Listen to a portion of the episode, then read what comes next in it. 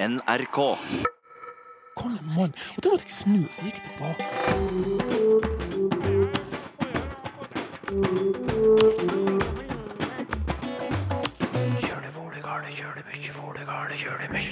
Mange gamle stedsnavn står i fare for å forsvinne. Når det ikke lenger er sånn at eh, det er navn på alle de små teigene i innmark og utmark, og når ingen lenger husker hva den lille bekken som renner nederst på jordet heter, da er den informasjonen tapt for alltid.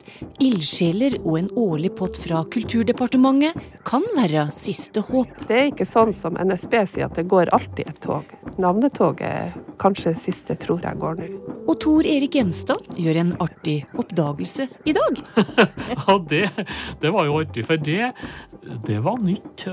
Så det finnes ikke i norsk ordbok, og det finnes heller ikke i arkivet. Hvilket nytt dialektord han lærte, hører du i dagens utgave av Språkteigen. Stedsnavn blir altså et hovedtema i Språkteigen i dag. Et tema som skaper enormt lokalt engasjement, og til tider òg oppheta debatt. Men først og fremst så bygger interessen for stedsnavn på kjærlighet og nysgjerrighet til hjemplassen. Mange lokale stedsnavn står nå i fare, rett og slett fordi vi bruker stedene vi bor på andre måter enn før. Derfor deler Kulturdepartementet for tredje år på rad ut midler til innsamling av stedsnavn. En helt avgjørende ordning for at mange stedsnavn ikke skal gå tapt for alltid, mener navneforsker Eli Johanne Ellingsve. Det er ikke sånn som NSB sier at det går alltid et tog. Navnetoget er kanskje siste tror jeg går nå. Landbruket er lagt om, fisket er lagt om, folk har flytta mot tettstedene, navnene går ut av bruk, inn i ei glemmebok. Og dette er nok siste store sjansen som jeg ser.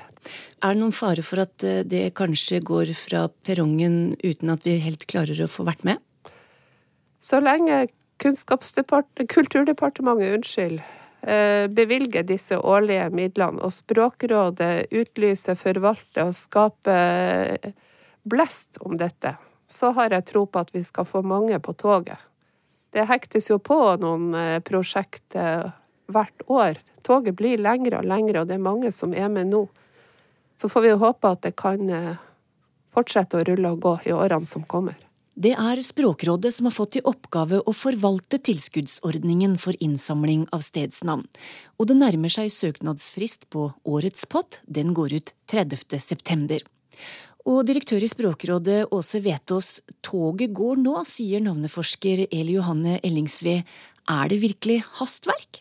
Det haster veldig, og vi vet at det er noen deler av landet der dekningen i innsamla materiale er dårligere enn andre. Så når vi får eh, søknader om eh, midler, så vurderer vi det ut ifra hvor det haster mest, og hvilke prosjekter som det er viktigst å gjennomføre først. Men hvorfor er det så viktig? Eh, Stedsnavnene våre er hvert og ett en liten informasjonspakke som inneholder viktige språklige og kulturhistoriske dokumentasjon. Og til sammen så utgjør jo stedsnavnene våre en stor kulturhistoriske skatt som er vår felles eiendom som bor i Norge. Og eh, det som er viktig nå, det er at med de endringene vi ser i kulturlandskapet, med nye driftsmetoder og større eininger i jordbruket, og med utbygginger og fortetting, så er det mange av de navnene som har vært i bruk tidligere, som nå står i fare for å forsvinne for alltid. Da er det viktig at vi setter inn en ekstra innsats for å samle inn og dokumentere disse navnene i bruk. Men hvorfor er de ikke blitt tatt vare på fortløpende? Det er jo sånn at eh, så lenge noe virker, så tenker vi kanskje ikke så mye. Det har jo skjedd veldig mye innsamlingsarbeid rundt om i hele Norge i løpet av det siste hundreåret. En del av det er initiert av de navnefaglige miljøene rundt omkring på universitetene mens de ennå fantes. Og det var veldig mange studenter i uh, norsk som skrev hovedoppgave om stedsnavn, og som kartla navnene i si bygd osv. Så, videre. så mye er gjort hele veien. Men uh, der er hull, og de hullene ønsker vi å få dekka så godt som mulig med de midlene vi har til disposisjon. Og nå sier du det ble gjort mye den gangen navnemiljøene fantes. Ja. For de finnes ikke mer? Nei, nå er det jo sånn at det er ingen av eh, universitetsinstitusjonene i Norge som har aktive stedsnavn, stedsnavnforskningsmiljøer. Det fantes jo et eh, stedsnavnforskningsmiljø ved Universitetet i Oslo, men eh, det er nå i ferd med å, å forsvinne helt. Og det er ingen andre eh, av universitetene eller høgskolene som har større navnefaglige miljøer. Det finnes noen navneforskere litt her og der, men det er ikke ett eh, miljø som har spesielt ansvar for å drive med stedsnavnforskning i Norge. Men det er stor interesse blant folk for stedsnavn. For ei tid tilbake fikk du møte Lars Ole Klavestad fra Fredrikstad her i Språkteigen. Han har brukt store deler av livet på å samle inn stedsnavn. Til sammen har det blitt over 50 000. Og ca. 500 av dem valgte han å gi ut i boks form. Men hvordan blir han så hekta på stedsnavn? Jeg er fra et veldig historisk sted som heter Hund i Borge utenfor Fredrikstad. Og eh, bare navnet hund, det er jo spennende i seg sjøl. Det er en gåte som eh, mange har prøvd å finne ut av. Så det starta kanskje allerede da jeg ble født. Og så begynte jeg å intervjue naboer, gamle folk. Eh, og jeg fant ut at de hadde et enormt navnemangfold. Men hva er et stedsnavn for deg, Lars Ole? Jeg tenker nok at det først og fremst er en, en viktig del av språket vårt for å kunne kommunisere med andre. For å både orientere oss, men for å finne møtepunkter f.eks. og henvisninger i, i, landskapet. Det gjelder jo både historisk, men det gjelder også i dag. For vi, selv om vi har, eh, har GPS, så, så, bruker vi veldig mye stedsnavn for å, for å møtes. Og det er mye artig lesning, da. For det er jo de merkverdigste navn. Du kan ta noen eksempler som Møkkalassa, Merrapanna, Fredagshølet. Disse her har du kanskje valgt ut med omhu? Akkurat de navnene du trekker fram der, er sånne navn som folk i Fredrikstad og Hvaler og den som bruker skjærgården, eh, kjenner veldig godt til. Og som har et litt sånn humoristisk eh, schwung over seg. Og, og særlig i skjærgården så ser vi at navnet lever veldig mye lenger egentlig enn eh, de gjør i jordbrukslandskapet, der eh, driftsformene har eh, endra seg veldig.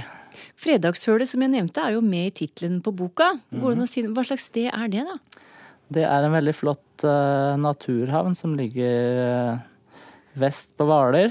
Jeg tror det er mange som uh, knytter noe litt vulgært til, til det navnet. ja. det, det, kommer nok av at det var mange arbeidere som kom fra Fredrikstad med mekaniske verksted som hadde akkurat en times tid ut til fredagshølet og kunne komme seg akkurat dit ut på en, en fredagskveld da, etter jobben. Mm. Og ankra opp der og, og, lå der kanskje over helga.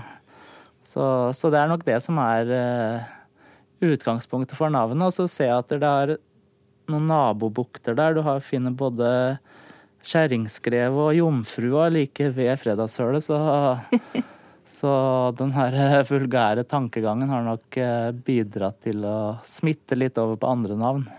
Ja, og jeg kan jo fortsette, da, for i boka di så finner vi òg navn som Driteren, Glufsa, Rassballen, Theokari Futerød fant jeg òg der. Mm -hmm. Mye rart. Ja. Veldig mange av de navnene har aldri blitt skrevet ned verken på kart eller noe andre steder. Så det ligger jo veldig mye historie og eh, også språkkunnskap bevart i, i navnene. De, de, har jo bare levd i det muntlige, muntlige språket. Lars Ole er en erfaren stedsnavnsamler, og denne interessen han og mange med han har, må jo være verdifullt?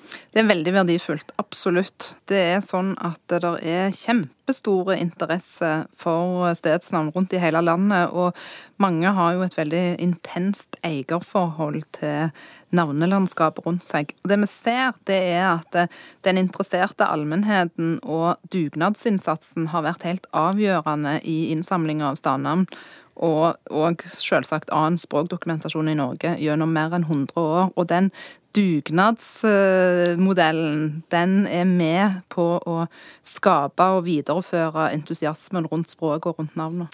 Ja, og Vi skal høre mer om denne lokale interessen ved å gå tilbake til Eli Johanne Ellingsved, som holder til i Trondheim. Hun er prosjektleder for fire innsamlingsprosjekt av stedsnavn, med mange frivillige og interesserte i sving. Det er prosjekt i fire geografiske områder. Tre prosjekt i Sør-Trøndelag og ett i Troms. Dette er jo fylker hvor det er samla inn forholdsvis lite tidligere, og derfor er de prioritert nå. Hvorfor har det vært så lite innsamling i akkurat disse områdene? Det tror jeg er tilfeldigheter. Det beror ofte på enkeltpersoner, ildsjeler, når et prosjekt starter. Og så skal det være eh, gjerne et historielag eller et grendalag som, eh, hvor dette blir et samtaleemne, og så kan det begynne å rulle på den måten. Og hvem er det, hva slags type lag er det som har tatt initiativ for de prosjektene dine, da? Det er veldig forskjellig. Ja. Det første prosjektet det var Frøya kommune. Der var vi to personer som hadde arbeida med annen historie for kommunen, og vi tok initiativ overfor kommunen. Så er det gamle, så er det Stølen museum og historielag i en nåværende Midtre Gauldal kommune. De har eh, i, I laget er det samla inn en del navn fra før, og de var interessert i å fylle ut for hele gamle Støren herred. Trondheim kommune har vi et stort prosjekt. Der er det sju historielag som er invitert med. Initiativet ble tatt eh, av meg og en eh, person som har skrevet hovedoppgave for, fra kommunen, Nils Jørgen Gåsvik. Mm. Og vi, har, vi inviterte inn historielagene, og de møtte frem. Så har vi det fjerde området i Troms, i Kvæfjord kommune. Gullesfjorden. Der er det ungdomslaget Samhold som har ansvaret for innsamlinga i sørdelen av eh, kommunen. Og så er det Kvæfjord historielag som skal samle inn norddelen av kommunen. Så, og de har sin egen prosjektleder. Hmm. Du har òg et jaktlag i et av prosjektene dine? Ja, det var en uh, artig historie. Det er jo et elgjaktlag i uh, gamle Støren herred som i egeninteresse har samla inn en god bunke navn. Og med kart, med gode kart, fra folk som eh, driver med elgjakt på på to-tre gårder i gamle kommunen. De bruker navnene i marka for å planlegge og drive og prate om jakta i ettertid. Og de vil aldeles ikke at de skal gå i glemmeboka, eller at elg og jeger skal befinne seg på to forskjellige poster i landskapet når det gjelder. De har sendt inn 150 eh, navn, godt kartfesta og med forklaringer og muntre historier i tilknytning til en del av de her. Og vi har vært på vandring, og noe er skilta. Det er virkelig bra grunnlagsmateriale. Det må jo bli en god del stedsnavn ut av dette her? Alle ja. de prosjektene du jobber for? Ja, det blir det. Men tør du anslå hvor mange navn det kan komme ut av det? Eh, jeg ser jo at fra Frøya det første prosjektet vi starta med, der er vi på vei mot 3000 navn. Og de er over og under havflata. Frøya er en stor fiskerikommune. Fra Støren er vi på vei mot 2000 navn, men der er vi bare halvveis i prosjektet ennå. Trondheim kan, kan, vi i teorien få inn veldig mange tusen hvis vi tar med gatenavnene, men de er jo registrert på forhånd, så det legger vi ikke vekt på. Og fra Kvæfjorden i Troms, der vil vi få inn i hvert fall en 1000, eh, vil jeg tro, fra sørdelen. Og der får vi også inn samiske navn, som viser den gamle samiske kulturen i fjorden. Mange tusen navn er altså i ferd med å ivaretas for framtida i Trøndelag og Troms. Og Åse Vetås, jegere og grunneiere som stedsnavninnsamlere, det er jo litt artig? Det er jo kjempegøy, for det kan jo gi oss innsikt i et eh, navnelandskap som ellers ikke er så kjent for mange av oss. Så det er veldig gøy at, eh, at det har blitt tatt den typen initiativer òg, altså knytta til en så spesifikk aktivitet. Mm, og nå er det lenge til elgjakta begynner, så vi kan jo kanskje sende ideen til andre jaktlag? ja, jeg er redd for at eh, i jaktsesongen så er jaktlagene så travle at de bare tenker på elgen og ikke på navnene, så kanskje bør vi heller satse på de på den tida når det ikke er elgjakt. Men dere er ikke bekymret for den faglige kvaliteten på det som blir samla inn, da, når dere bruker frivillige til den jobben? Nei, altså det er sånn at eh, det er ikke en ordning der vi bare kaster penger etter folk. Det er altså sånn at eh, de får eh, rettledning. De får et digitalt innsamlingsredskap som er lagt helt spesifikt til formålet og eh, som kan sikre at eh, vi både får nøyaktige geografiske lokaliseringer, og som kan gjøre at dette materialet blir eh, veldig verdifullt både for språk, eh, språkforsking og for, for kulturhistoriske forskning. Sånn at eh, det sikrer at innsamlinga blir veldig godt kvalitetssikra. Innsamling er jo én ting, men hvor havner disse navnene til slutt, slik at de kan brukes av alle som er interessert? Eh, de navnene som blir samla inn nå, de eh, blir deponerte på språksamlingene ved Universitetet i Bergen. Mm. Mm. Så havner de der. Ja. Men i mangel av språkmiljøer som driver med navnegransking, hva skjer med dem? Da blir de liggende der og kan hentes ut og brukes av alle som er interesserte i å drive med stedsnavnforskning. Det er det som er eh, noe av poenget med å ha sånne store offentlige samlinger, at de skal være tilgjengelige både for forskere og for allmennheten. Men, eh, men eh, det å ha et, et fagmiljø som kan forske mer systematisk i det og drive med veiledning i bruk av dette, det ønsker vi oss jo veldig. da. Det sa direktør i Språkrådet, Åse Vetås. Og det deles ut drøyt 500 000 kroner fra denne tilskuddsordningen i år, og søknadsfristen er 30. september. I sommer prater vi om å gå på drusp her i Språkteigen. Et tidligere brukt ord om det å flørte eller sverme. Det fikk Bjørn Nordtun til å tenke på ordet dryspe, som han har hørt brukt om omfangsrike damer. Omfangsrike menn, den ble kalt vommatull. Og Tor Erik Gjenstad, er dette ord som du har hørt? Jeg har vel ikke hørt så mye om det sjøl, men eh, det, for jeg tror nok at Ytre Møre her, det er sannsynligvis Sunnmøre. Eh, men eh, ei druspe, ja. Hvis den slår opp i Norsk ordbok igjen, da, så vil du finne to betydninger.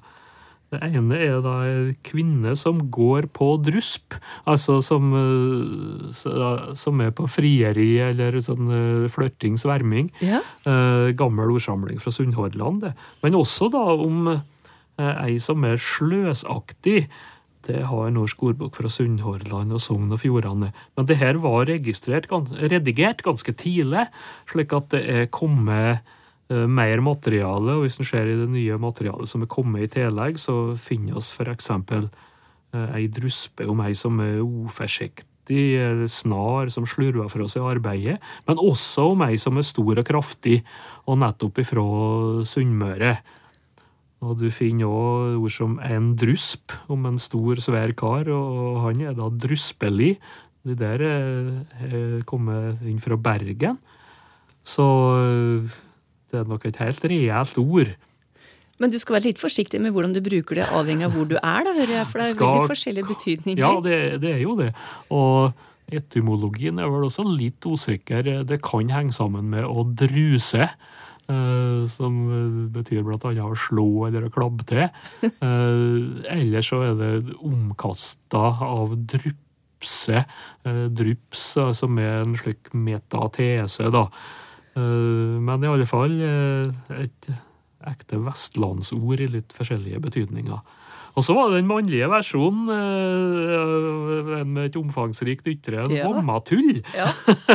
og det, det, var jo artig, for det det var nytt. Så det finnes ikke i norsk ordbok, og det finnes heller ikke i arkivet. Så slike kan jo være ganske lokale. Men her er det da kommet inn et nytt ord i, i samlingene våre. Mm. Og du finner det andre, sjølsagt. Du, du finner vomhys, ofte med fisk. Uh, vomhys, vommamort, belghys, om slike tjukke personer. Men her er altså vommatull. Så jeg noterer med det. De mente jeg skulle si nå må du notere dette, da, så du får det med deg. For all del, det Nytt blir ord. notert. Nytt ord. Herlig. Kolfinn Fleischer har et veldig kort og greit eh, spørsmål. Kan dere si meg hvor ordet habiak kommer fra, og hva den opprinnelige meninga er? Ja, eh, det er jo et, eh, et skjellsord, det der, slik jeg kjenner det. Var borti det for ja, 20 år sia. Ja. På det her dialektmagasinet på NRK Sør-Trøndelag var det jo den gangen. Da kom det fram det her habiak som et allment skjellsord til gutt eller mann. Og det var kjent eh, ja, Orkdalen og Løkken og det området der. Og så seinere har jeg funnet det i ordsamling fra Senja, om en som er uhøflig, frekk og trasig. Så det er ikke akkurat noe rosende ord. Men eh, opprinnelsen, det er vanskelig å si noe om, altså.